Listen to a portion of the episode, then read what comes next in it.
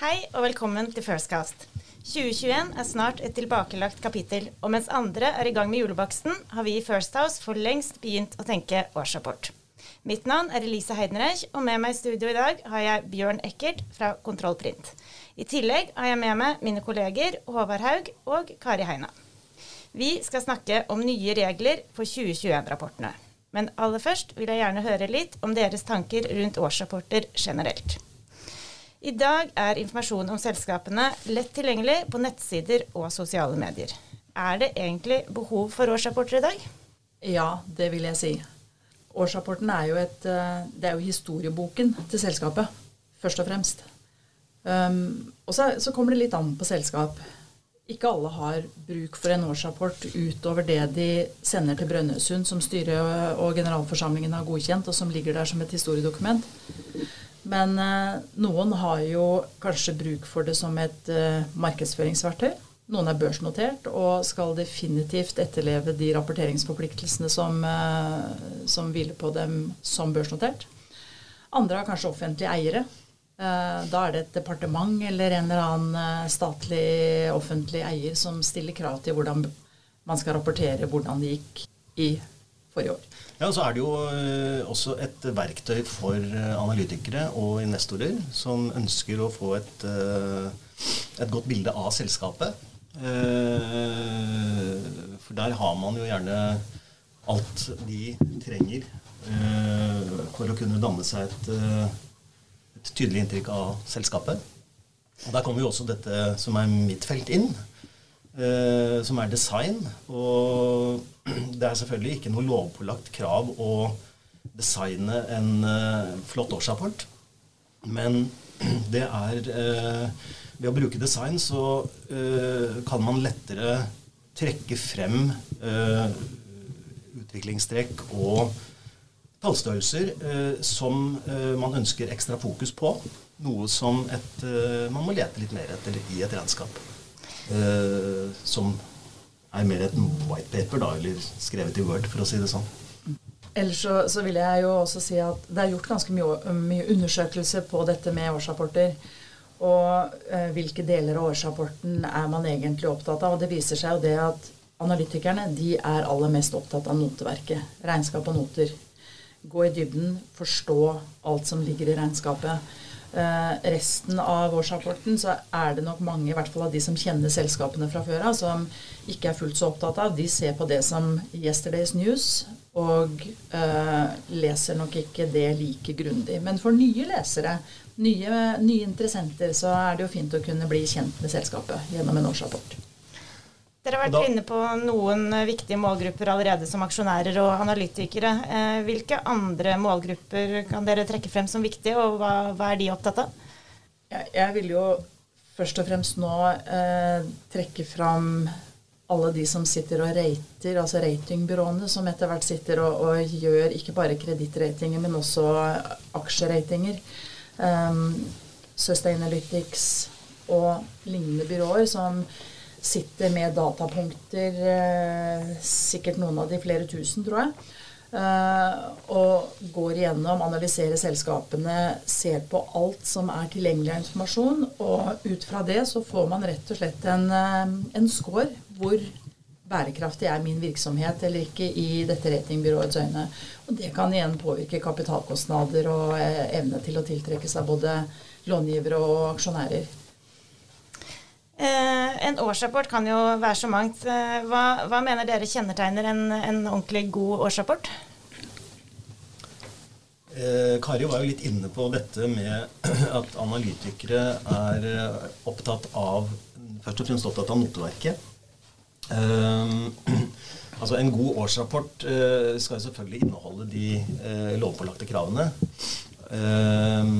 Og eh, en god årsrapport evner også å, eh, som jeg nevnte tidligere, fremheve eh, viktig informasjon visuelt. Men det kan også være en stor fordel å altså en, årsrapport er som, som oftest en, en, død PDF som man kan bla i. Uh, det er en stor fordel å uh, bruke de verktøyene man har tilgjengelig for også å uh, gjøre denne årsrapporten interaktiv, eller kan du si manøvrerbar. For det er et langt dokument, og det å sitte og scrolle seg gjennom en PDF på kanskje 120 sider på, i webbrowseren, det er litt slitsomt. Så det å lage gode innholdsfortegnelser som gjør at man kan klikke seg rundt, og man kan gå direkte inn på de notene man ønsker, eh, å få den informasjonen man trenger eh, kjapt, det er vesentlig. Eh, er min mening, da. Enig med Håvard. God navigasjon er viktig.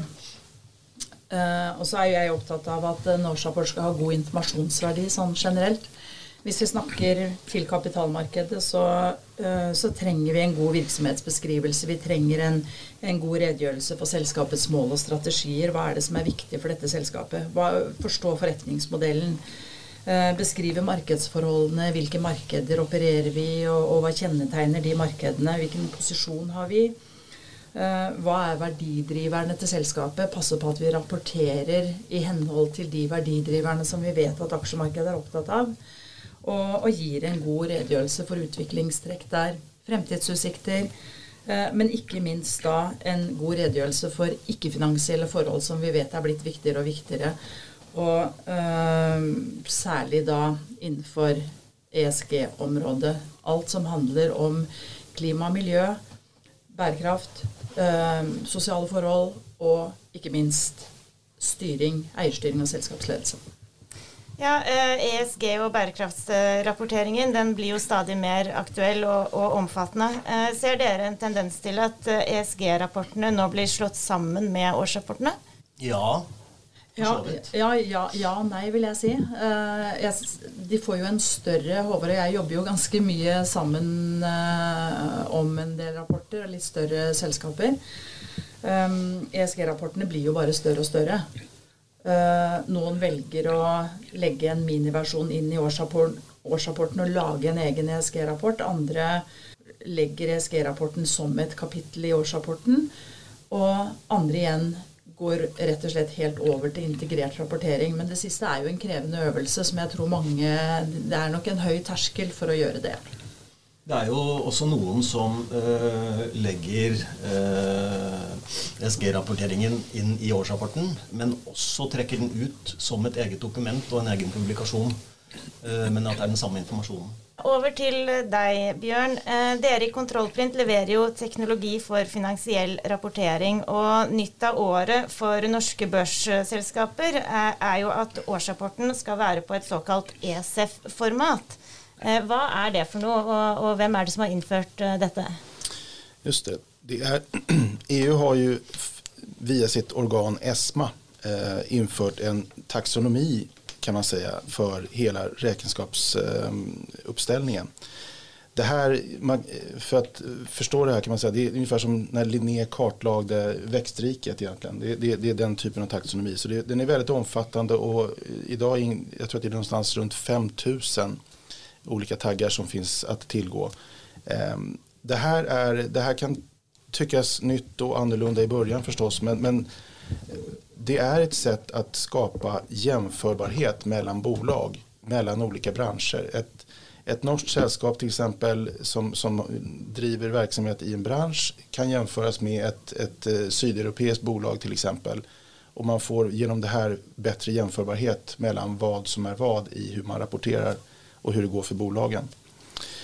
Eh, budskapet här är väl egentligen att, att det, det är viktigt att bolaget själv har koll på hur man gör den här rapporteringen. Eh, hur, man, hur man tar fram de, de rätta, den rätta upp, uppmärkningen av de här, de här posterna.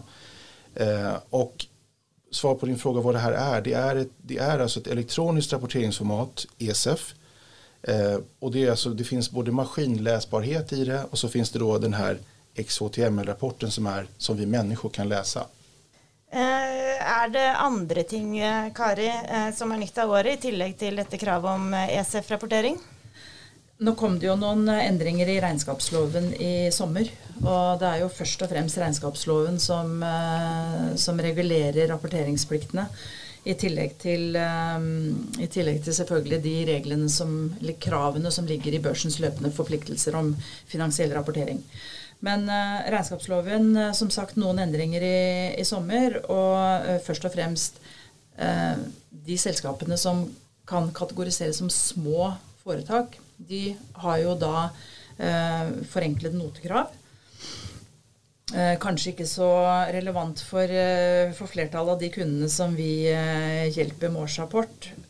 For de store selskapene så er vel tipset å se litt ekstra på hele regnskapsloven paragraf 3 hvor, hvor årsrapportering er beskrevet, og særlig de to punktene 3.3 B og C om, om eierstyring og selskapsledelse og om samfunnsansvar.